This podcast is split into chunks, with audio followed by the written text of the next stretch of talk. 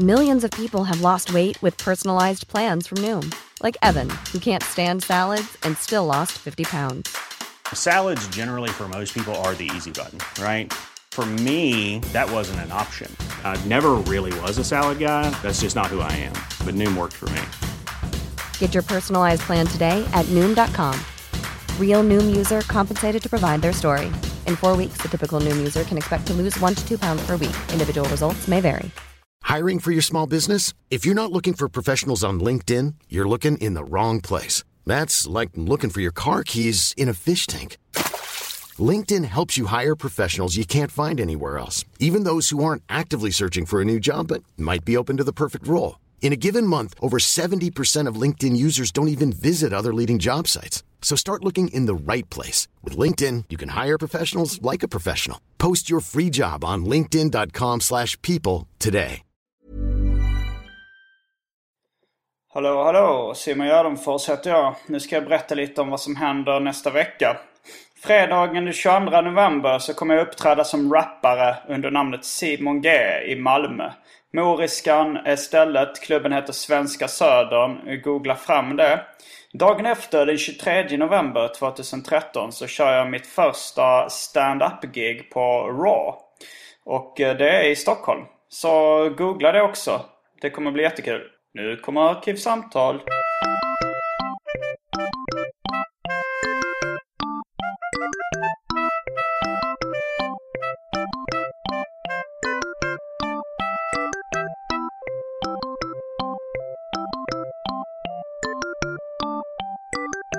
hej och välkomna till Arkivsamtal.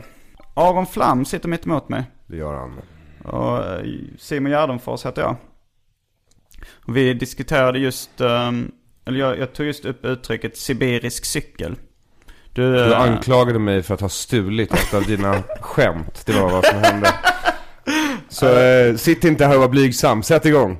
Sibirisk cykel, det är alltså, det är inte det som är skämtet, men det är ett uttryck som jag säkert har pratat om innan. Uh, det finns en skröna om att en man i Sibirien uh, uppfann cykeln.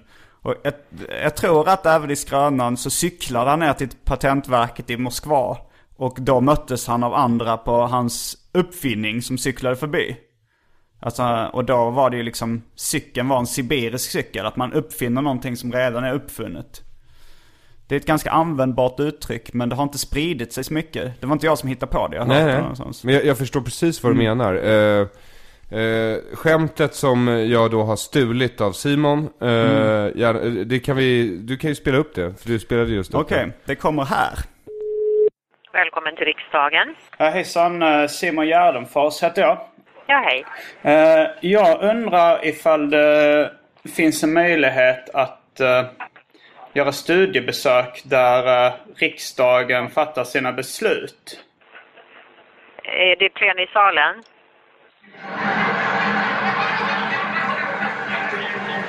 Uh, ursäkta, vad, vad sa du? I plenisalen, där kan man göra besök. Okej. Okay. Vilka, vilka sammanhang kan man göra det, eller vilka tillfällen? När det är debatter. Okej. Okay. Och då, då, då bara tar man sig till... till ja, till allmänhetens entré går man in där. Men vad hette salen? Plenisalen.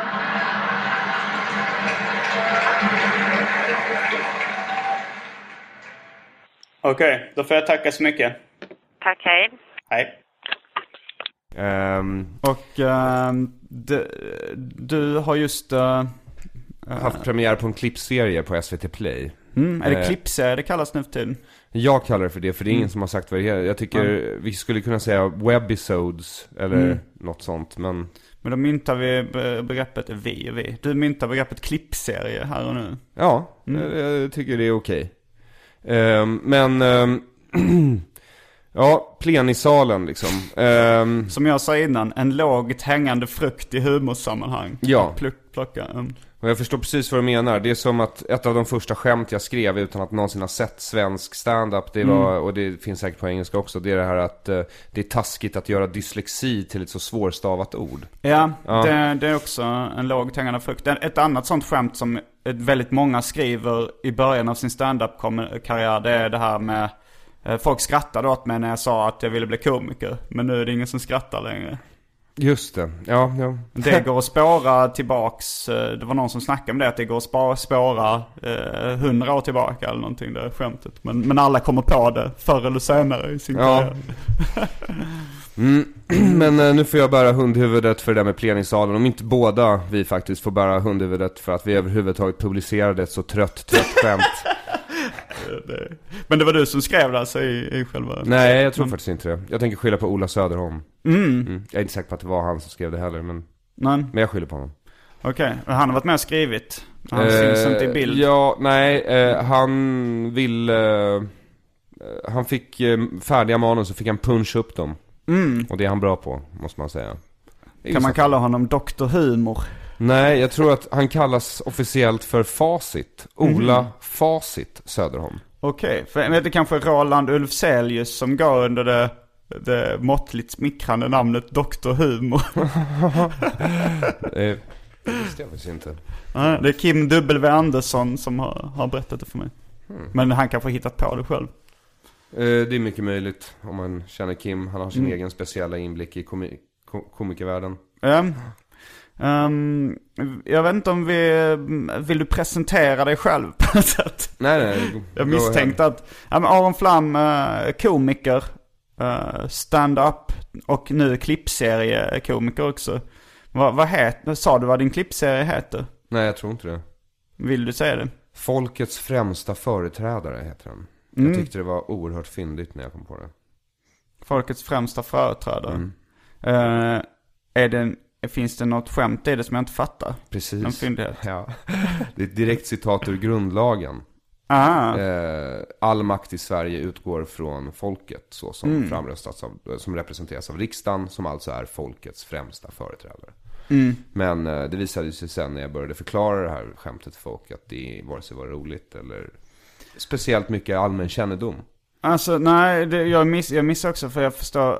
Vet, nu fattar jag att det var en, en uh, syftning till någonting. Mm. Men, eh, men jag förstår, eh, det, det har liksom inte formen av ett skämt heller. Tycker jag. Nej, Eller nej, förutom det nej. här att så här, Alltså ja, jag tycker att det är lite så här Family Guy-liknande referenshumor. Men eh, jo, förutsatt sen- då att man gillar att läsa grundlagen innan man går och lägger sig. Ja, det, det, har, du, har du läst hela grundlagen? Nej. Men, men sen kan det ju vara så ah, de ska företräda folket, plats för små skratt. Mm. Är det en sån grej du har tänkt också? Då? Eh, ja, alltså vi hade ju skämt på det. Mm. Alltså flera, flera skämt på det. Men de har eh, eh, klippts bort efterhand. Som vi blir hårdare mot materialet. Liksom. Mm. Hur många avsnitt ska det bli? 12 säger de.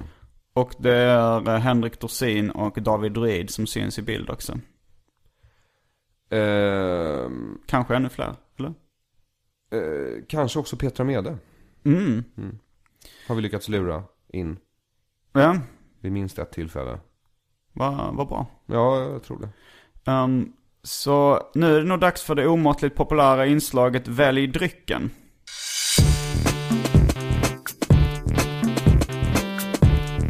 Jag tror vi börjar med det fasta inslaget Välj drycken! Det är ett eh, stående inslag i min podcast Arkivsamtal. Uh, apropå podcast så har du uh, medverkat i en podcast som heter Till slut kommer någon att skratta. Även känd som TS Knas.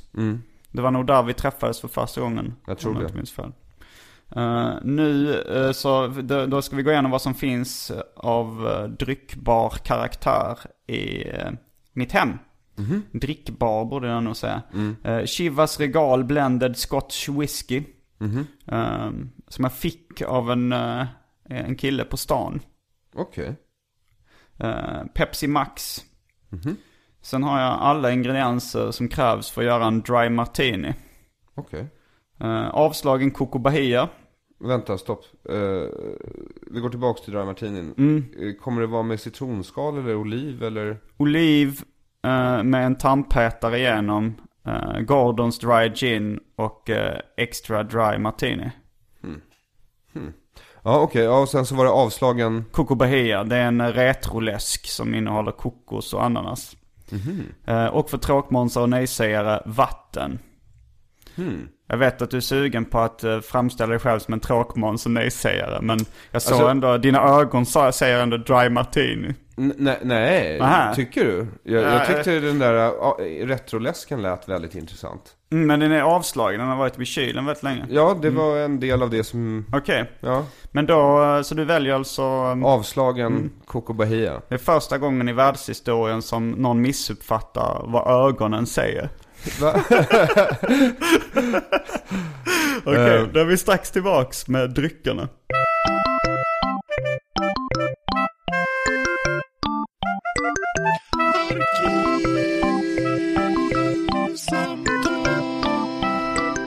Då är vi tillbaks med en Dry Martini och en avslagen Coco Bahia. Va? Nu känner jag igen det. Mm, jag tror jag har smakat det här någon gång i min ungdom. Ja, vi, Just avslagen också. hur, hur, eh, vad tyckte du var gott? Ja, det smakar helt okej. Det, vi, vi diskuterar lite eh, vad en Dry Martini innehåller. Och jag tror att det som jag nämnde just är det som man liksom läser på diverse eh, sajter eller drinkböcker. Men man kan ju hotta upp det med citronskal och liknande också. Och lite olivspad är det vissa f- som vill att det ska vara i också. Eh, men Coco Bahia det är ju någon slags eh, pina colada utan rom. Mm, precis. Men vad jag läste om Pina Colada var att det från början bara innehöll rom och, eh, apel, eh, och ananassaft. Att eh, kokosen är en lite modernare uppfinning. Jaha, är det så? Ehm, ja, men då tar jag... jag är sa- väldigt förtjust i tjejdrinkar som det kallas för. Jag, alltså min favoritdrink är mango daiquiri. Oh, det låter gott faktiskt. Ja, nej det är helt otroligt. Om de har färsk mango. Så det är ju liksom, eh, det känns nyttigt på något sätt. Men vil, vilken sprit är det i daiquiris? Jag har ingen aning, jag bryr mig inte. Men det går ner väldigt lätt om det, för du vet, strawberry, de smakar ju bara frukt. Ja, men jag är ganska inne på det också, att maskera spritsmaken ganska mycket. Godis, alltså så här shotsbricka med, med blandade godisshots är jag ganska förtjust i.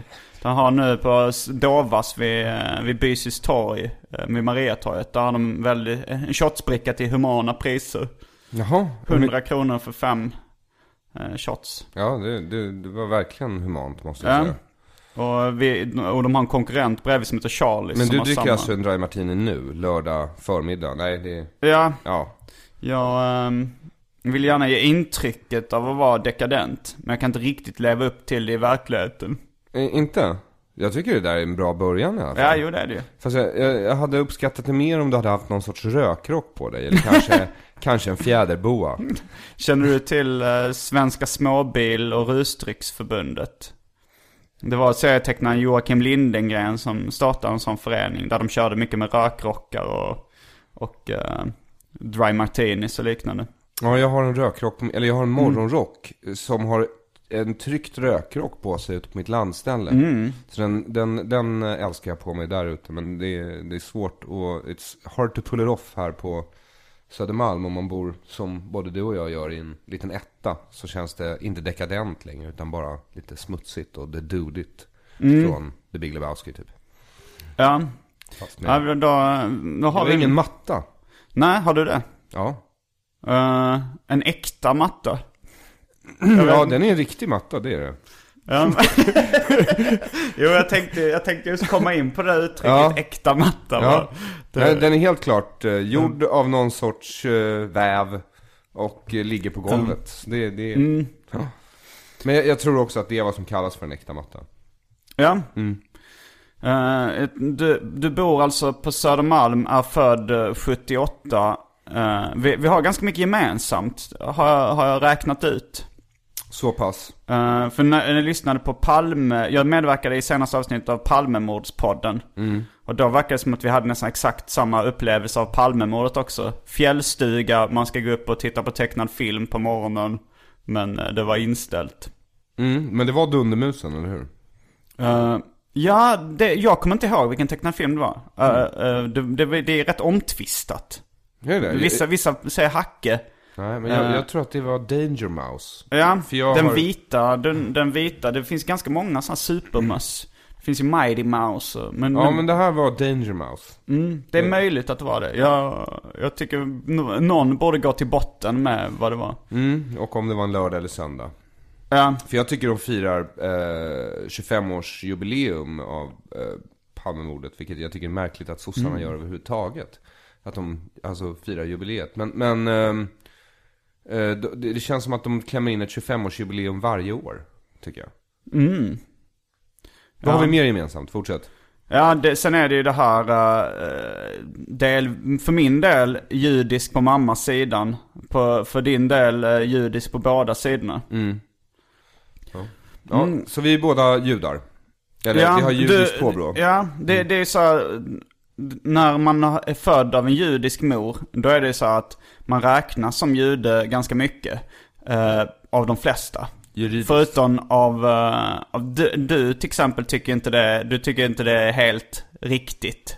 Men jag, jag, jag har ju sett dig in action några gånger. Jag vet ju att du säger mer eller mindre vad som helst för att få ligga.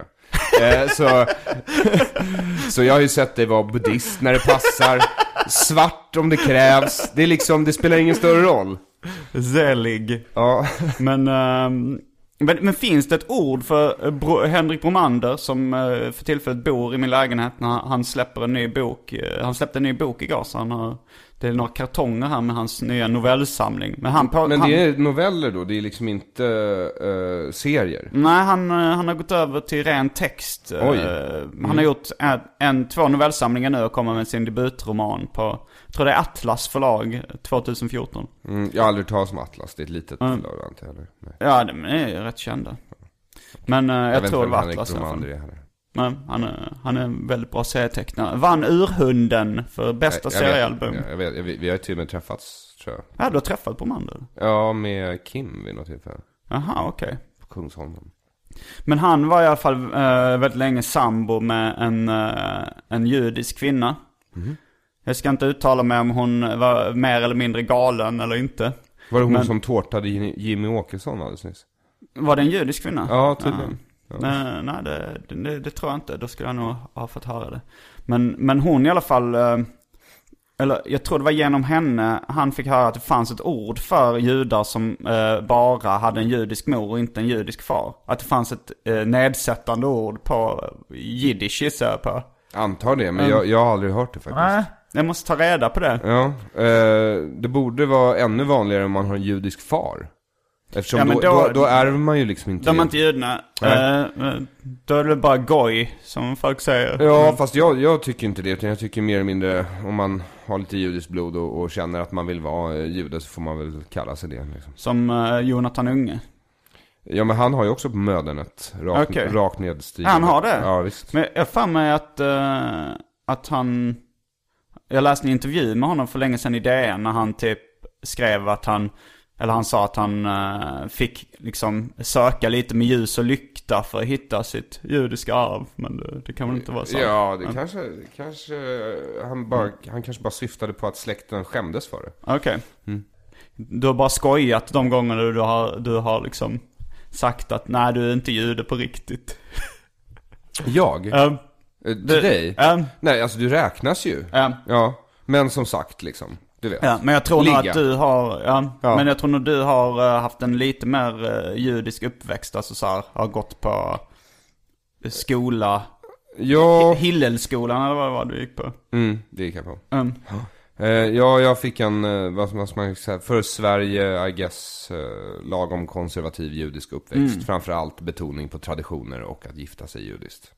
Ja, Aha, alltså dina föräldrar vill att du ska gifta dig judiskt? Ja, min mor vill det. Eller så Okej. här är det, om vi ska vara ärliga. Min far sa att han eh, struntar i vilken religion Mm. eh, min eh, tillkommande har, så länge det är en tjej. Och Mm. min mamma sa att hon struntar i vilket kön min tillkommande har, så länge det är en jude. Och ska man tillfredsställa båda så blir det ju Um, eh, automatiskt nästan en judisk tjej då. Men eh, jag har eh, slutat leva för att göra mina föräldrar lyckliga. För jag vet inte om jag någonsin har gjort det faktiskt. har, du, har du någon gång försökt? Eh, ja, det måste varit väldigt länge sedan. Och sen Mm. bara gett upp. Kanske var tre. När jag bara säger ni är omöjliga. Det spelar ingen roll vad man gör. Ja, Jag vägrade faktiskt gå i cheder som enda av eh, mina syskonskaran. De här, min brorsa och min syrra gick, men jag, jag tyckte det verkade obehagligt. Så Mm. trots mutor om godis på någon slags pedofilsätt så vägrade jag Hmm. Men då har du väl det i dig helt enkelt. Du är motvalls. Och Ja. det är jag också. Jag, på ett sätt så är jag ju tacksam eh, för min judiska uppfostran. Därför att det gav mig någonting väldigt tydligt att ta ställning emot. Jo, Mm. uh, Cheder är då någon slags judisk söndagsskola kanske man ska säga. Eller något liknande. Men, eh, jo men, men Mm. Det sen... betyder rum. Bara. Gör det? Ja. Lebensraum. Lebenscheder. Men, eh, jo men eh, på någon, någon slags utanförskap har det väl uh, gett eh, liksom det arvet. Som, Ja. som säkert är både bra och dåligt. Ja. Men man kan få andra utanförskap. Man behöver ju liksom inte... Nej, man behöver inte ärva det Nej. på mödernet. Ja, mer då. Som Mer. är likt. Som är likt. Ja. Eh, hur lång är du? Du är nog längre än vad jag... 1,78. Okej. Jag är vad man kallar en alfasemit. Okej. En gammahanne i allmänhet, men en alfasemit. Mm. Ja. Men du dejtar en uh, chicks eh, just nu? God damn it. Ja. Mm. Hon är eh, så arisk så att det gör ont i ögonen när man tittar på henne. Eh, sen vet jag inte, vi, vi kör båda stand-up comedy nu för tiden. Det är också ja, en det gör vi. likhet. Och Eh, jag har också kluddat på papper vid tillfällen. Ah, har du tecknat alltså? Eh, Nej, alltså jag var ju väldigt liten, men ja, Mm. det kan man väl säga att jag har. Se, tecknade serier? Eh, Ja, det var det väl. Så stora muskler på killar och Mm. eh, sånt. Var du inne på superhjältar och sånt där? Ja, jag läste en hel del serier när jag var liten. Mm. Finns det kvar några, några serier du har tecknat? Eh, Jonathan Unge har nog en som är Mm. ett illustrerat skämt, en seriestripp. Eh, eh, om en kille som står och ser deprimerad ut och tittar ut genom ett fönster där det är grått och trist. Och sen så tar han upp en kniv och sticker sig själv för att få se lite färg. Och sen är den, Ah. då är den helt i svartvitt utom då sista bilden på kniven som har lite rött på sig. Det är lite som Frank Miller gjorde ett tag. Nej, jo han hade nog det i Sin, Sin City. City och 300 och, Mm. nej inte 300 kanske. Men de lånade lite av den estetiken kändes det som när de gjorde filmen. Vad, hade du någon superhjälte när du var liten? Eh, jag var ett stort Spiderman-fan Mm. när jag var liten faktiskt. Eh, jag vet inte vad det är med honom, men kanske att han var Ja, lite ja. nördig och så här s- pluggis. Ja, Mm. jag var också väldigt stor fan. Jag samlade på eh, tidningarna. Och jag gjorde även en, en egen serie som hette Superkatten. Som var en, eh, en kille som blev biten av en radioaktiv katt. Och eh, det var ju väldigt inspirerat av Ja, Spindelmannen. Men, eh, men, eh, du växte väl ändå upp i närheten av Barsebäck? eller? Det var inte, det var Ja, väl inte, ja, så- alltså, du hade väl närmre till den Ja. fantasin? kanske det. Ja. Eh, så jag, Sen är båda våra fäder um, yrkesakademiker va? Mhm, jag visste inte vad din uh, farsa jobbar med. Då har du googlat dåligt. Ja, det Ja. har jag. Jag har gjort väldigt lite research. Ja, min pappa är professor i nationalekonomi. Ja, Och din pappa är professor i psykologi eller eh, kognitiv. kognitionsvetenskap. Ja. Nationalekonomi, okej. Ja Mm. men då, eh, ja, då har vi nog ganska mycket gemensamt. Eh, Och som jag sa i TS Knas, jag hade ju läst din fars böcker innan jag läste Simons Ja. 120 dagar och uppskattade dem. Och du verkade ta det som inte så mycket en komplimang. Eftersom Ja. man inte väljer sin far. Nej men jag, jag Men då undrar jag, har du emot läst min pappas utlandshandeln mellan USA och Japan 84 till 87? det. Eh, frågan är vad som är roligast svar där av ja eller nej. Det känns som att ja var så uppenbart skämt. Så jag säger nej. Ja, det har jag och det var butlern som gjorde det. Mm, men ja, min pappa han har varit eh, gäst i Arkivsamtal också. Jaså? Ehm, ett avsnitt. Han ville inte prata så jättemycket om sitt privatliv då, vilket jag tyckte var lite, blev lite besviken på. Jag vill gärna höra liksom lite relationsdrama. Hur ställer du dig själv till att prata om ditt privatliv i, i podcast-sammanhang? Eh, alltså, när vi började göra TS Knas så brydde jag mig inte alls eftersom jag var övertygad om att ingen lyssnade. Okej, ja. Men mina förhoppningar eh, om det har kommit på skam. Utan det har visat sig att folk faktiskt lyssnar och typ plockar ut konstiga delar av samtalet. Och sen så hakar de upp sig på det. Ehm, Eh, men eh, shoot, nej men det så var ska en... jag försöka vara så ärlig jag kan.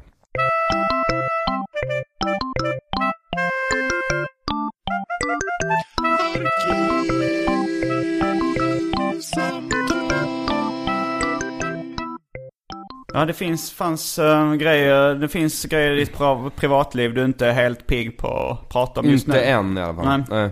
Hur Men- mycket, jag, jag märker en viss skillnad på din, din, alltså så här, att du har nästan en persona i podcast och på scen som skiljer sig lite från privatpersonen Aron Flam. Ja, jag har fått höra det väldigt många gånger. Mm. Har du pratat mycket om det i podcasts och liknande? Nej, absolut inte. Då kanske vi ska prata om det. Är det Okej. någonting du tänker på? Nej. Det är inte. Nej. För du, alltså så fort nästan du sätter dig framför en mick. eh, Jag vet så, att det kan låta jättemärkligt, Ja. men, men jag, nej, jag, jag har inte reflekterat över det. Nej. Nej men du, du ger mycket mer svartsynt bild eh, när du eh, eh, är bakom en mick. Antingen i en podcast eller i, på scenen. Och när, som privat, när, det, när liksom man pratar med dig på gatan eller sånt där så ger du ett varmare och lättsinnigare intryck. Men du tror, det, det kan inte vara det att jag inte säger att jag vill suga gubbkuk i parker när jag står och pratar med dig på gatan? Nej. Ja, men jag säger ju rätt olika saker. Ja men då, du kanske säger det men, men eh, eh, du har oftare liksom så här ett lättsammare, du verkar gladare utanför micken. Du verkar liksom trevligare mot människor i allmänhet. Lite mer det här också eh, att vara till lags. Det, kan, det kanske är någon slags form av självmedvetenhet det handlar om. Att det är så här, du hatar det här eh, som du kallar typiska svenska, att vilja vara folk till lags. Så att liksom när du går ut offentligt så är du ganska mycket motvalls och lite, en, en, nästan en lä- lätt aggressivitet liksom i tonen. Jag skulle inte kalla den lätt. Men, men den känner jag inte av eh, i privatlivet. Då är du, då är du liksom eh, s- snällare, varmare och trevligare på något sätt. Uh, ja, Men alla- det alla hoppas som- Mm. jag väl i och för sig. Alltså det som slipas fram på scen är väl det komiska i en. Jo, Och men jag, även vet, i- jag vet inte hur komiskt min snälla omtänksamma sida är. Nej, det är eh, väl så. Eh, jag, jag, jag hoppas att jag har åtminstone lite omtänksamhet och snällhet i mig. Mm. Eh, och jag försöker, försöker visa det till människor omkring mig. Mm. Eh, men eh, ja, sen finns det ju, alltså det finns anledningar till att jag skapar. Eh. Vad, vad är det, det här för anledningar? Jag har ju en känsla djupt i mig av Mm. att jag vill krossa och förstöra föreställningar och idéer för folk. Men, Och eh, den kanske inte är rätt, men jag försöker rikta den åt rätt håll. Och eh, jag har tryckt in den i humor och där passar den väl bra så folk ändå kan skratta åt de här åsikterna när jag ändå är igång liksom. Så jag tror att det kan ha med det att göra. Det här är också en sån här grej som jag faktiskt inte ens är färdiganalyserad med. Nu har jag hållit på med att uppträda i nästan sju år. Eh, och eh, jag, det var aldrig tänkt att jag skulle bli artist. Jag har alltid velat skriva, men, men att ställa mig på scen. Och den där karaktären jag var, alltså för det där råklippet, det var ju kanske mitt så här 20 gig. Oj, ja. Ja, eh, när jag slog igenom mina, man, mina 5 minuter och 23 sekunders claim to fame liksom. Sändes det på tv? Ja, det gick på Raw och sen så kom det ut på YouTube och blev eh, antagligen fortfarande det mest populära jag gjort. Jag, Men, men, det, men sändes det på TV5 eller vad de hade på TV3? eh, femman tror jag. Femman, okej. Ja. Och eh, eh, jag, eh, alltså jag har en tendens, eh, jag vet inte om det är uppfostrande så, men jag, jag kan, om jag känner att jag måste leverera, då bara stänger jag av. Ja. Eh, och sen så går jag upp och gör det jag ska. Mm. Ja. Och eh, det är nog det man ser de första åren av mina uppträdanden. Och jag tror att det där släpar fortfarande med eh, ända upp till nu. För det är en del av min komiska karaktär, den där extremt hårda, cyniska personen. Jag har den i mig hela tiden liksom. Mm. Eh, men eh, jag tror inte man ska släppa fram honom överallt hela tiden. Nej. Nej, för då kan det bli svårt att sköta de absolut enklaste vardagsärenden liksom. Ja. Jo men de flesta har ju någon form av persona eh, eller karaktär på scenen eller liksom i det offentliga. Alltså som underhållare så är, det- så är det ju liksom mycket mer effektivt att fokusera på några sidor av sig själv än att försöka få med den mångfacetterade bilden som en människa är liksom på riktigt. Nej men jag så- vill ha med allt. Men, men allt är inte redo att presenteras alltid. Nej. Nej. Eh, därför att jag tror inte att man bara ska ösa ur sig liksom i en eh, lång stream of consciousness. Utan jag, jag tycker att i jobbet som vad vi nu är för någonting. Underhållare. Ja, så, så ligger det ju också en del av presentation, eller hur? Och för mig är det text, så jag slipar ofta på text. Men jag är väldigt dålig på att repa. Så det har tagit mig väldigt lång tid att bli tryggare och få med, få med fler sidor av mig själv upp på scen. Mm. Och jag är inte där än på något Nej. sätt. Men i början så körde du ganska mycket på det som kallas deadpan delivery. Att så här, helt eh, tomt ansiktsuttryck och bara, och bara liksom köra repliker. Men ja, det gör det ju i viss mån fortfarande. Men Alltså det där, men det är ju liksom för att jag ser sån ut. Jag, jag har ju ett ansikte som lätt blir orörligt.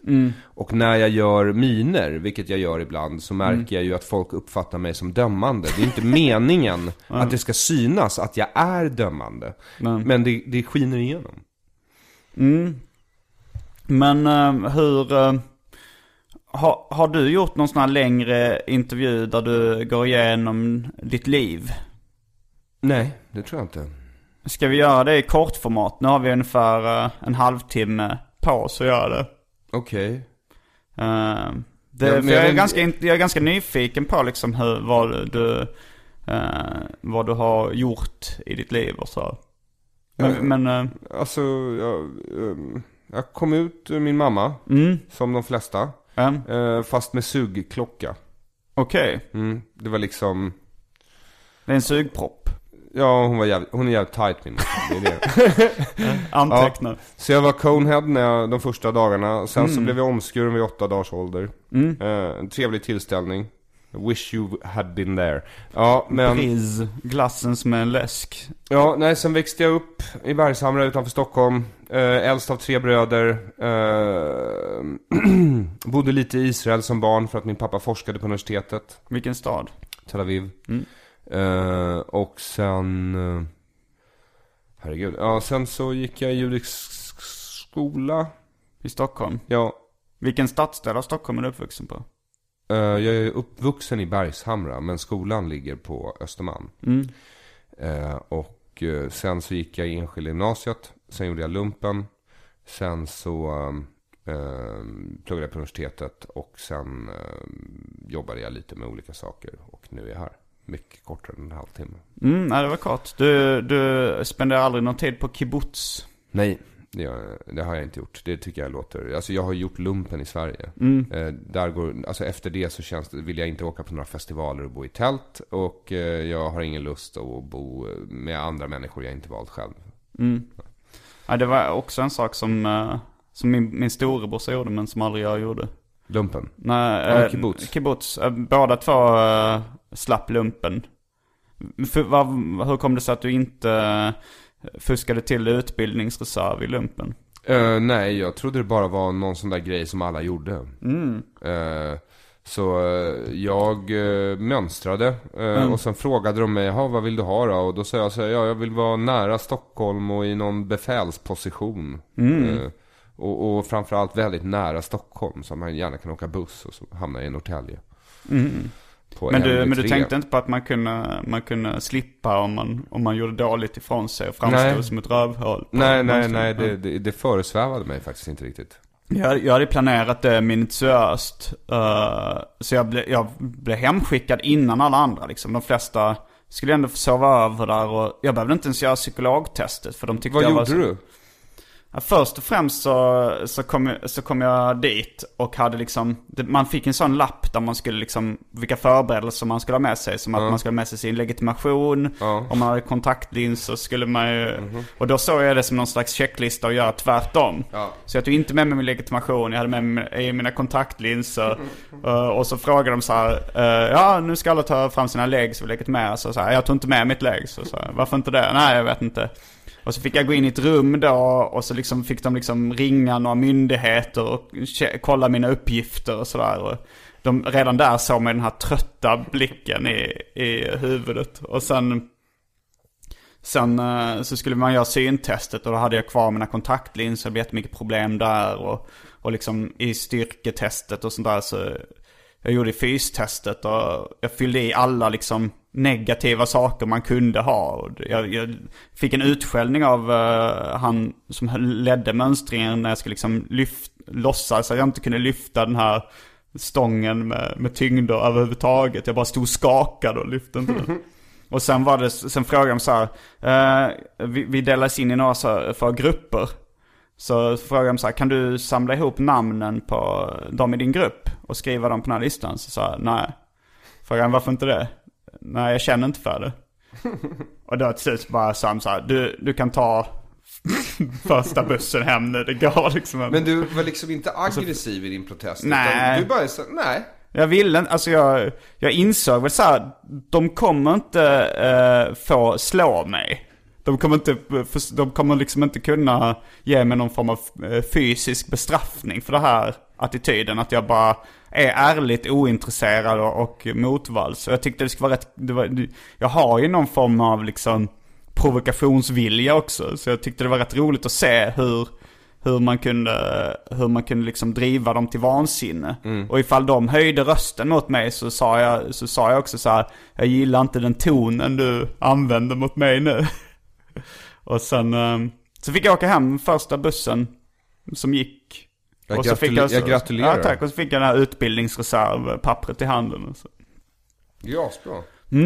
Nej, jag, nej, men det där är faktiskt rätt intressant. Jag, jag mönstrade ju, jag trodde det var en sån grej man skulle göra och ha på CVt liksom. Jaha. Men, Men- vad var du intresserad av att bli då om du tänkte att du skulle få användning för ett CV? Intresserad av att bli. Jag har väl Mm. alltid drömt om att få skriva böcker. Men jag har ju alltid trott att jag kommer ha ett helt vanligt jobb vid sidan av det. Du säger Bonniers förlag. Får vi se på dina, ditt CV här så vet du har Nej, gjort men, jag, lumpen. men, jag, men jag tänkte mer så här, men jag kommer väl jobba med finans eller Mm. eh, juridik eller något annat. Var du intresserad av det? Nej. Men du tänkte att, uh, var, Men- var det men- påtryckningar men från dina in- föräldrar? Nej, alltså jag har blivit uppfostrad med att livet inte handlar så mycket om att göra vad man är intresserad av. Utan Mm. man gör det man ska. Men, men din eh, farsa som var akademiker, alltså så professor, är inte det, var inte det ett lustyrke? Eller tror du han blev pressad till det av sina... Det är möjligt att det var, nej det, det jag vet inte. Jag tror han blev pressad till det av sin ärgirighet och sin lättja. Eh, eh, och sin riskaversion. Därför att det är ju en rätt trygg, eh, det är det ju inte egentligen, men det verkar nog jämfört med yrkeslivet som en trygg karriär när man står inför yrkeslivet. Sen så är det ju, alltså massa, ja du vet ju antagligen, det är massa så här eh, skitsnack på institutionerna och folk slåss om samma utmärkelser och stipendier och sådär. Så det är nog rätt hårt det med. Men, men, eh, men eh, jag, nej, eh, vadå? Nej, jag har aldrig uppfattat, uppfattat det som att min far, eh, att det är lustfyllt för honom. Det har jag aldrig uppfattat. Men, men det är möjligt att det var det. Jag har ingen aning. Vad är din egen eh, dröm idag? Vad hade du helst velat jobba med om du, om du var ekonomiskt oberoende, till exempel? Läsa och tänka och skriva. Faktiskt, tror jag. Mm. Då skulle du bli författare. Ja, eller bara läsa och tänka och skriva. Skrivandet är egentligen, tror jag, eh, bara någonting att ge tillbaks förutsatt att det är bra nog. För jag menar, böcker, ja, det var väl min första verklighetsflykt och, och det räddade mitt liv på något sätt. Så eh, det är väl en längtan att ge tillbaks helt enkelt. I guess. Men hur kommer det sig att du ställer dig på scenen och, och är med i tv-program och, och sånt där om, det det, om du inte vill göra det? Uh, lättja och ärgirighet. Ja, ärgirighet är ju en rätt Eh, bra, fast ja, lättja är sådär, det är inte Ärlighet vänster- vet jag inte ens om det stämmer med tanke Men- på vad för typ av underhållningsform jag faktiskt håller på. Den är ju, alltså, stand-up ligger ju rätt långt ner va, tror jag. I vilken, Un, inom underhållning, det är väl... alltså i status? Ja. Ehm, jag Så- vet inte, det, det är lite både och. Eh, Jag tror att, eh, att till exempel uh, Louis CK och Chris Rock och sådär har ganska hög status som underhållare för att de är framgångsrika och, Mm. och, eh, och hyfsat intelligenta. Medan, eh, medan eh, det finns ju, jag vet inte hur bespottad eh, en ståuppkomiker kan vara och ändå vara känd. Men, eh, men det, det kan Mm. vara, Adde Malmberg är väl hyfsat bespottad men ändå väldigt känd. Jag tror det är en generationsfråga. Mm. Faktiskt. Eh, nej men, ja. eh, och då kommer vi tillbaka till det där. Men det är skickligt hantverk i vissa fall. Man kan ju vara en skicklig hantverkare utan att vara en stor konstnär. Eh, Ja, absolut. Men, men jag har väl alltid drömt på något sätt om att göra konst. Samtidigt som jag har en respekt för hantverket. Mm. Ja, men varför jag står på en scen, ja, och är med i tv-program, ja, därför att eh, jag tror, alltså så här är det, jag faktiskt försökte försörja mig på mitt skrivande i massa, massa år. När jag var klar med universitetet, då ville inte jag jobba med finans. Utan Nej. jag, de visste jag redan att jag kommer försörja, försöka försörja mig på att skriva. Och vad det än krävs. Så jag började med att skriva affärsplaner och sen har jag skrivit annonsbilagor och så har jag skrivit tal. Eh, jag har bara velat kunna försörja mig på att skriva. Därför att även om jag skrev tråkiga saker så tyckte jag ändå att själva skrivandet är roligt. Det, det finns en utmaning i det liksom. Eh, så det var, väl, det var väl det och sen när det kommer till mitt eget material. Första gången jag kände att jag verkligen fick någon, alltså, alltså att folk uppskattade någonting jag hade gjort. Det var när jag gick upp på en standup-scen. Det var nog därför jag fortsatte med det. För jag tänkte, alltså, och det tog mig år. När jag började med Jonathan Unge, då trodde jag, eh, och det tror jag fortfarande, att Jonathan är den naturligt roliga av oss. Han är liksom den med funny bones, förstår du vad jag menar? Ja. Eh, och han är den naturliga artisten. Eh, det tog mig flera år att förlika mig med att jag var clown. Eh, jag har alltid tänkt så här, jag kommer göra det här i några år, det kommer vara en nyttig erfarenhet som jag sen kan använda i mitt författarskap. Yay! Eh, men så blev det ju inte, utan jag, jag fortsätter ju med det här. Och jag är ju biten av stand-up. Det är ju en drog, du har ju prövat själv. Ja. Man blir ju liksom... Eh, man jagar ju alltid den där första kicken. Som det gav. Och... ehm, Ja, jag, jag, jag vet inte om jag kommer hålla på med det hela livet. Det vågar jag inte lova. Men jag vågar lova att jag håller på med det i 10-14 år till. Kanske inte, det kommer kanske inte alltid vara det jag gör heltid hela tiden. Men ja. Ska du eh, uppträda någon gång snart som stand-up-komiker? Eh, Det ska jag göra på, men när sänds det här? Det sänds om en vecka, nästa lördag. Okej, ja då är det så att på måndag. eh, Så kommer jag och Ola Söderholm ha klubb på La Cucaracha. Det är några måndagar i rad. Precis, det är fyra och det här kommer vara den näst sista. Och kom i tid. Klockan sju är bra att vara där om man vill vara säker på att få plats. För det var utsålt första gången och det var utsålt andra gången. Nu har andra gången inte varit den när vi spelar in det här. Men jag förutsätter att det kommer att ha varit utsålt andra gången. Men är det du och Ola Söderholm som kör stand-up då? Precis, vi försöker dokumentera vårt gamla material. Vi försöker spela in Okej. varsin ståuppskiva med vårt gamla material och sen så att vi kan på nytt födas som fågel Fenix. Eh, med en ny vacker fjäderdräkt. Så då kör du nästan hela din, eh, allt, hela din repertoar kan man säga. Ja, jag kör så mycket som jag kommer ihåg av den. Du antecknar inte, du har inte några filer i datorn som... Jo, herregud. Alltså jag är, eh, jag är en skribent, jag är en skriftställare Simon. Jag, jag, alltså mitt manus är minutöst. Det är så minutöst att det inte går att framföra. Därför att om jag framförde det så skulle det låta som eh, förstyltig text. Och det gör det ju redan nästan. Det har jag inte tänkt på. Eh, men har du någon, har, hur många romanutkast har du i din hårddisk? Eh, Jag antar att du inte har färdigställt någon roman. Nej, det har jag inte gjort. Eh, jag har tre. Okej. Mm. Och planerar du att, för, att någonsin liksom skicka iväg dem till förlag eller något sånt där? Någon gång. Om de blir bra. Men eh, det måste vara bra. Vad skulle du säga att det är för genre? Det är olika genrer. Det är... um, En är magisk realism. eh, En är sci-fi. Okej, det är inte alls roligt. Det är två sci-fi. Och den tredje? Gissa den tredje. Nej men det var magisk realism som är... Okej. Mm. Så, ja. Jag, jag gillade väldigt mycket din text i eh, Jag bombade. Mm. Eh, Så, så jag hade nästan hoppats på att det skulle vara någon form av eh, självbiografisk text. Det kommer faktiskt. Eh, Det har jag planerat att börja skriva i vår till nästa sommar. Om jag inte har gått under då. Så kommer jag börja skriva då. Gått under... eh, Ekonomiskt. um, har du... Min, är du på, min själsliga kollaps skedde för så länge sedan.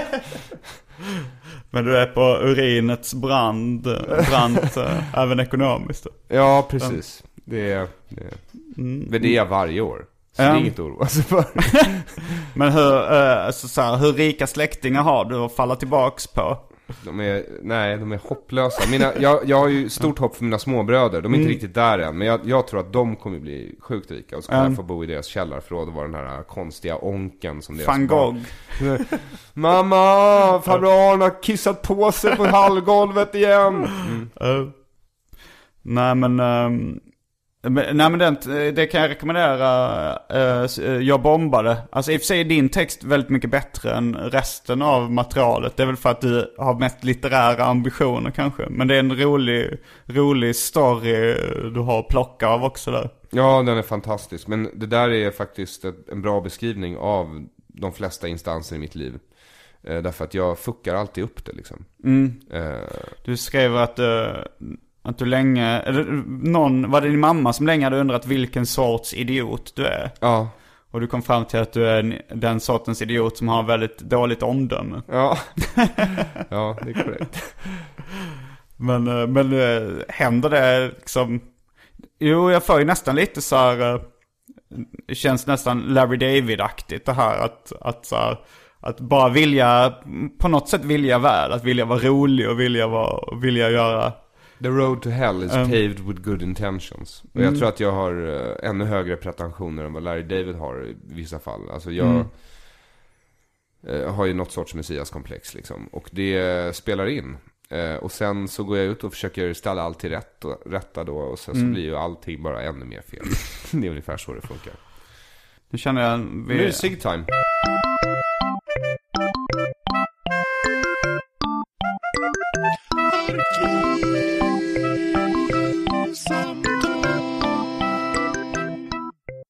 Ja, nu har vi varit nu- ute och tagit, eh, eller du har tagit en cigg. Mm. Och vi har diskuterat eh, vad vi använder för berusningsmedel och sådär. Och jag, just nu så använder jag mest alkohol lite då och då. För att det är socialt accepterat och det är lätt att få tag på. Men eh, du sa att du skulle aldrig kunna bli alkoholist. Nej, jag tror faktiskt inte det. Men- Eh, jag tycker alkohol är kul och det är en rolig drog eh, som jag nyttjar emellanåt. Men jag känner typ aldrig ett sug Men efter alkohol. Det, det har jag börjat känna, det kan bli o- oroväckande. Alltså så här, den här podcasten såg jag fram emot väldigt mycket för jag visste att jag skulle kunna välja en dry martini ur min eget kylskåp. Ja. Så jag bara så här, jag kände faktiskt ett sug efter alkohol. Men, men jag, har, jag drick, på helgerna så dricker jag eh, hur mycket jag vill. Vilket inte är otroliga mängder men ändå liksom hyfsat mycket.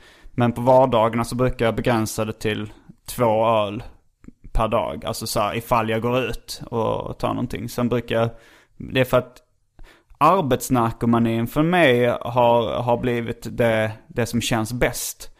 Jag måste på något sätt, jag har någon form av flyktbeteende. Jag tror det skulle vara svårt för mig att bara leva ett helt vanligt liv utan någon form av flyktbeteende. Men, men när jag liksom jobbar stenhårt eh, och lite smått manisk. Då känner jag att det, det, det är den liksom eh, så kallade drogen eller vad man ska kalla det som jag liksom får minst bakslag av. Som jag inte får, som jag aldrig liksom, jag mår aldrig dåligt om jag har jobbat för mycket liksom. Det är väl kanske bara att jag har försummat lite relationer och Ja, det är vanligtvis det. Eh, De säger ju att det vi män ångrar mest på dödsbädden är att vi inte spenderade tillräckligt mycket tid med våra vänner. Visste du det?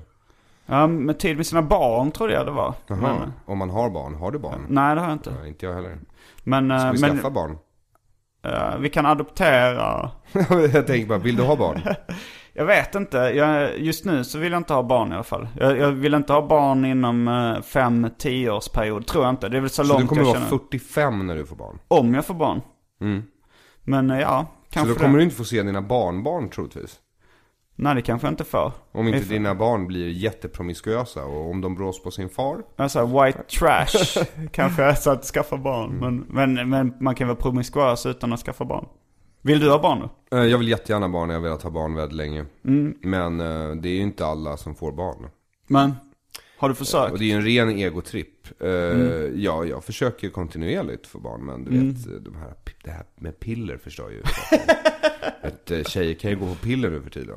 Så. Jag tror det skulle vara en medveten vilseledning att de här pillerna du käkar, så ecstasy och sånt, det försämrar ju förutsättningarna. Det gör det ju säkert också.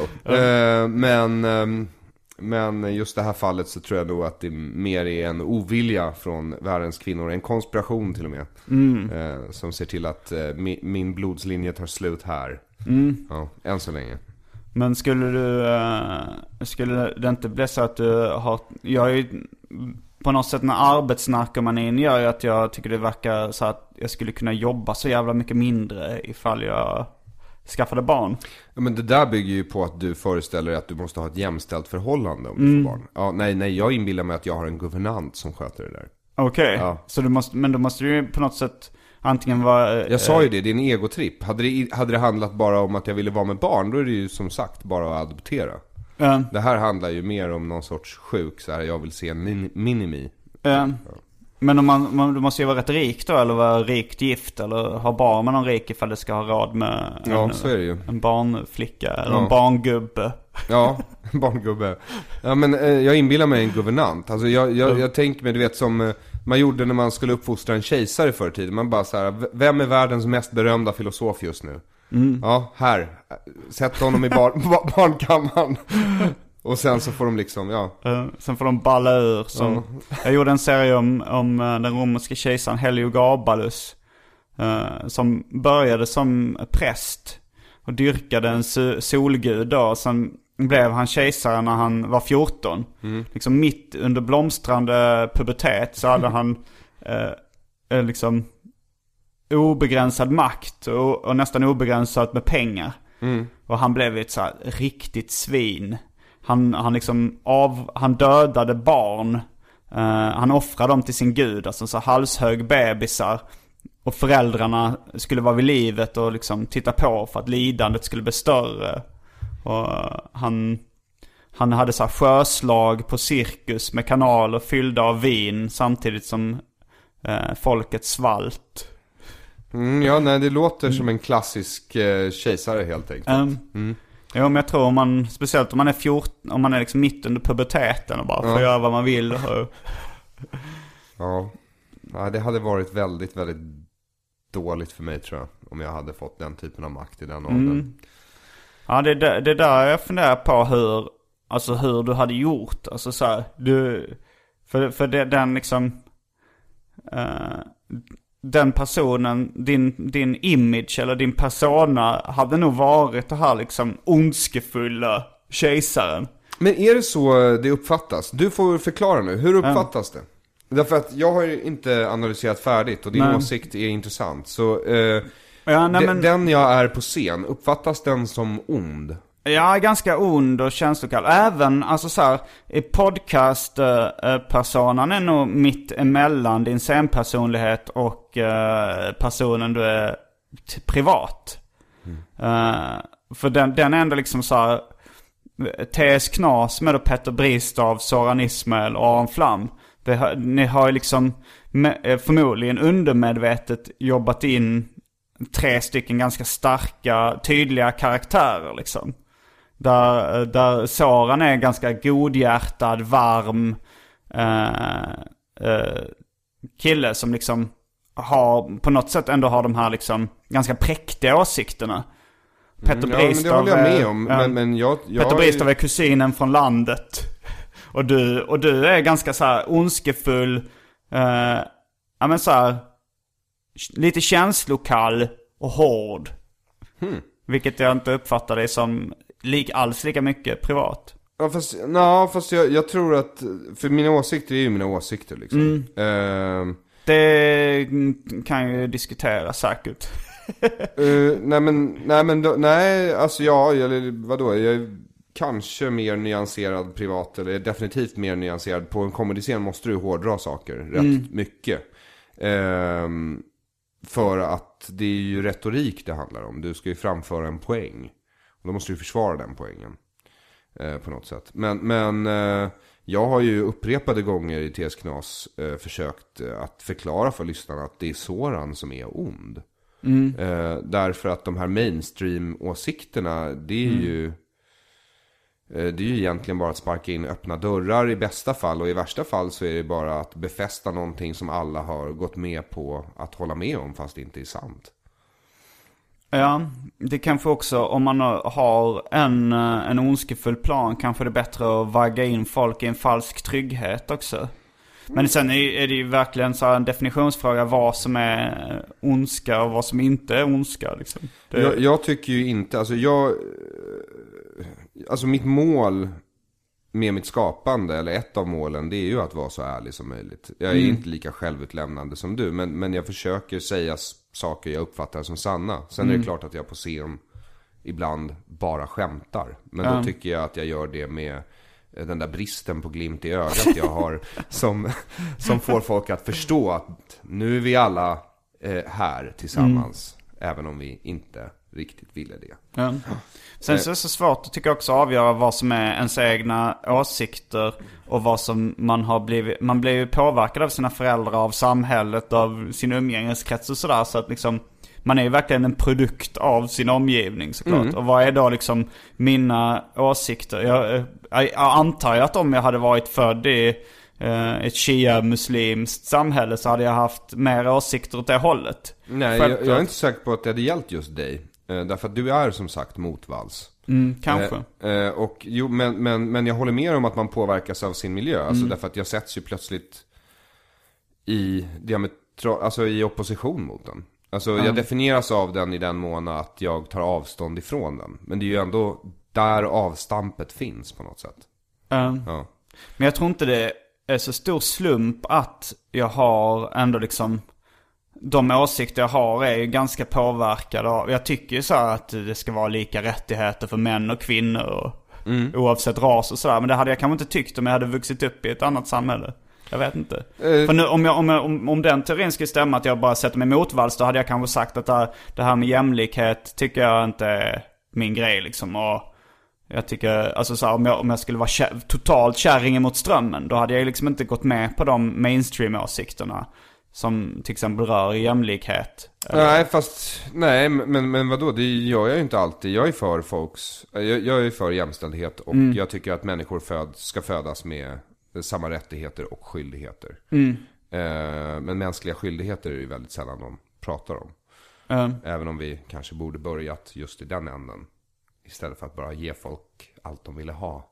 Eh, eh, men, lagen och sånt är mycket skyldigheter så här. Ja, ja men, men, men det behöver inte betyda att jag tycker att man försöker genomföra jämställdhetspolitik på rätt sätt. Eller, alltså förstår du vad jag menar? Man kan ju fortfarande ha problem med hur folk tolkar allmänna sanningar eller vad man nu ska kalla dem för.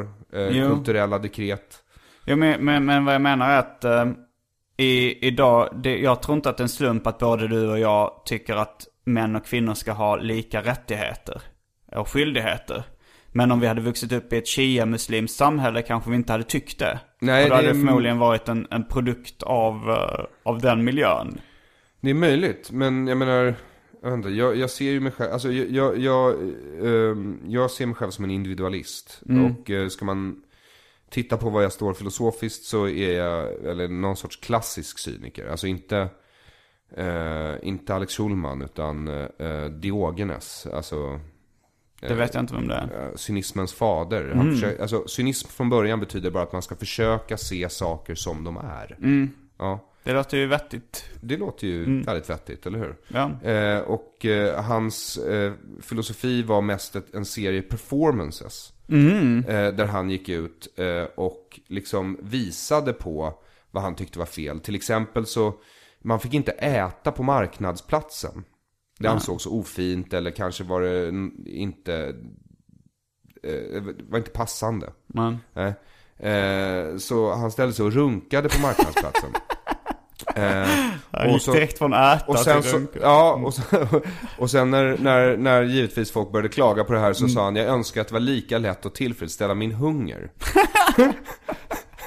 Men, var det, men det var väl inte socialt accepterat att, att runka på den platsen? Nej, nej, det var det ju givetvis inte heller. Men det fanns ingen uttalad regel. Det var väl Nej. bara det att folk tänker, det är ingen som kommer göra det.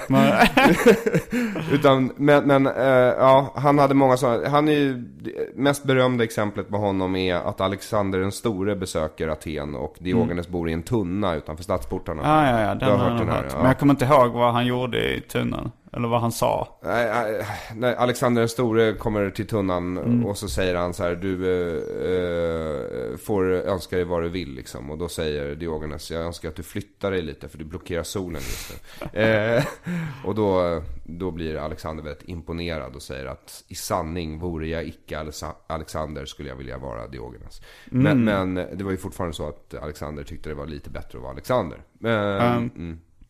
Ja, jag tycker det borde finnas fler.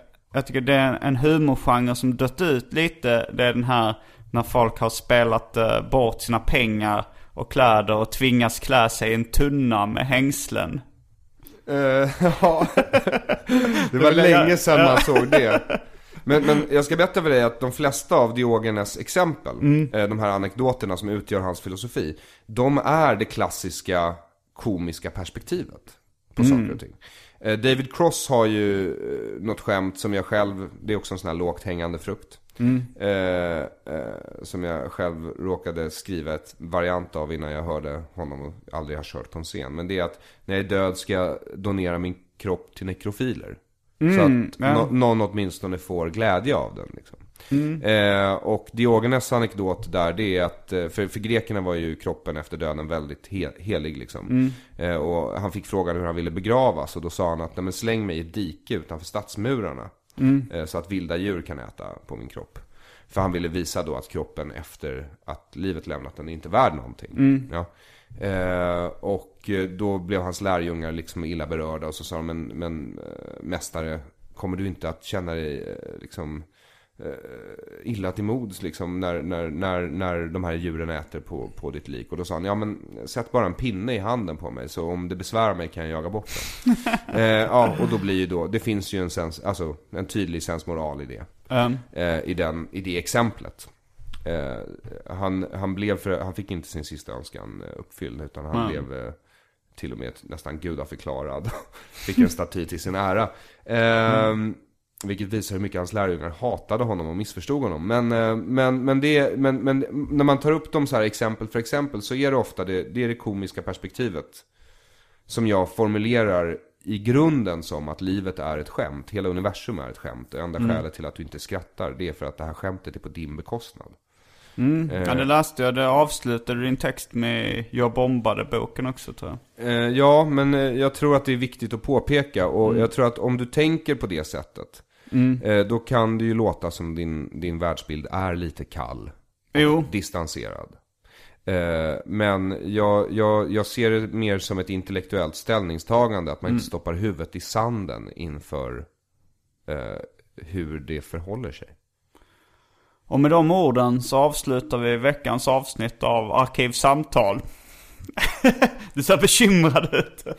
Ja, jo, det, jag undrar återigen, vad är det jag har sagt, hur kommer det här att uppfattas och varför uppfattas jag alltid som så hård och kall? Ja men du, har i alla fall försökt förklara det lite nu. Ja, ja, ja. får vi Eh. fortsätta försöka. Ja. Eh, Jag heter Simon Gärdenfors. Aron Flam. Fullbordat samtal.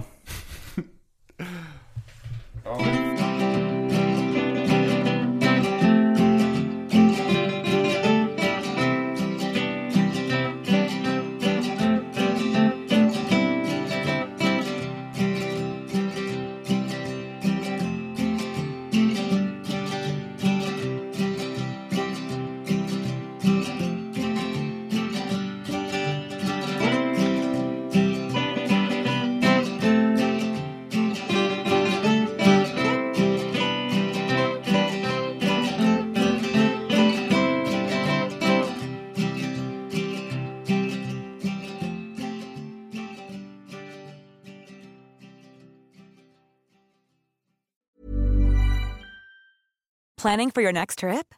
Elevate your travel style with Quince. Quince has all the jet setting essentials you'll want for your next getaway, like European linen, premium luggage options, buttery soft Italian leather bags, and so much more. And is all priced at 50 to 80% less than similar brands. Plus, Quince only works with factories that use safe and ethical manufacturing practices. Pack your bags with high-quality essentials you'll be wearing for vacations to come with Quince. Go to quince.com slash pack for free shipping and 365-day returns. Mom deserves the best, and there's no better place to shop for Mother's Day than Whole Foods Market. They're your destination for unbeatable savings, from premium gifts to show-stopping flowers and irresistible desserts. Start by saving 33% with Prime on all body care and candles. Then get a 15-stem bunch of tulips for just $9.99 each with Prime. Round out Mom's menu with festive rosé, irresistible berry chantilly cake, and more special treats. Come celebrate Mother's Day at Whole Foods Market.